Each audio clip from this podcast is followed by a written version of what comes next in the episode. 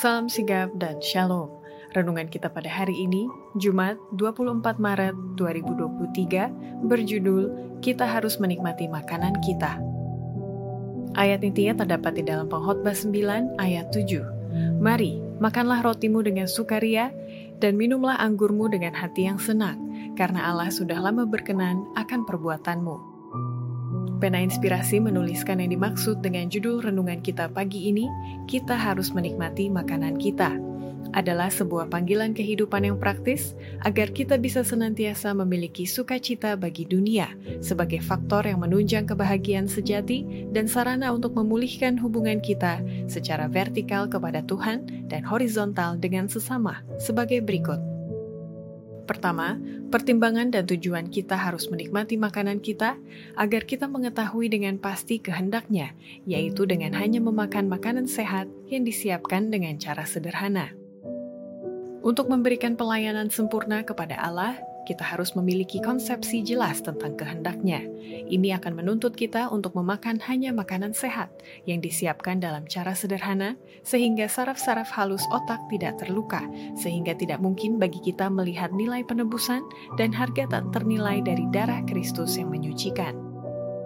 Kedua, pertimbangan dan tujuan kita harus menikmati makanan kita agar dengan menyediakan makanan sehat dalam cara sederhana akan memberikan daya tahan tubuh dan kekuatan intelek yang tidak dihasilkan oleh diet yang merangsang. Buah-buahan, padi-padian, dan sayur-sayuran disiapkan dalam cara sederhana, bebas dari bumbu-bumbu dan lemak segala jenis, dengan susu dan krim menjadi diet yang paling menyehatkan.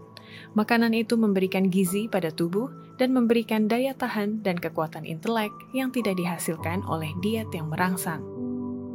Ketiga, pertimbangan dan tujuan kita harus menikmati makanan kita adalah menghindari makanan dingin karena tubuh perlu mengerahkan tenaga untuk menghangatkan makanan itu sampai mencapai suhu tertentu untuk bisa dipakai buat pencernaan.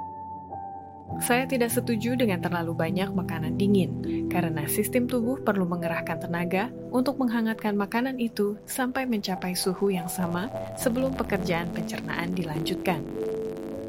Keempat, pertimbangan dan tujuan kita harus menikmati makanan kita adalah lewat penyangkalan diri yang ketat untuk bisa menikmati betapa enaknya makanan sehat dan sederhana itu. Sesungguhnya, ketekunan dalam cara makan dan minum yang menyangkal diri akan segera membuat makanan sehat, sederhana, jadi enak. Dan itu akan bisa disantap dengan kepuasan yang lebih besar daripada kenikmatan yang dialami seorang penggemar makanan yang menggemukkan. Kelima, pertimbangan dan tujuan kita harus menikmati makanan kita adalah dengan mengunyah makanan yang jauh lebih baik daripada menelan seperti makan bubur demi untuk melengkapi kebutuhan sistem tubuh kita. Makanan kering yang perlu dikunyah jauh lebih baik daripada bubur. Pengolahan makanan sehat merupakan suatu berkat dalam hal ini. Bagi mereka yang bisa menggunakannya, sayur-sayuran yang baik diolah dengan cara yang menyehatkan lebih baik daripada bubur. Buah-buahan yang digunakan dengan roti matang yang sudah dua atau tiga hari usianya lebih menyehatkan daripada roti yang baru.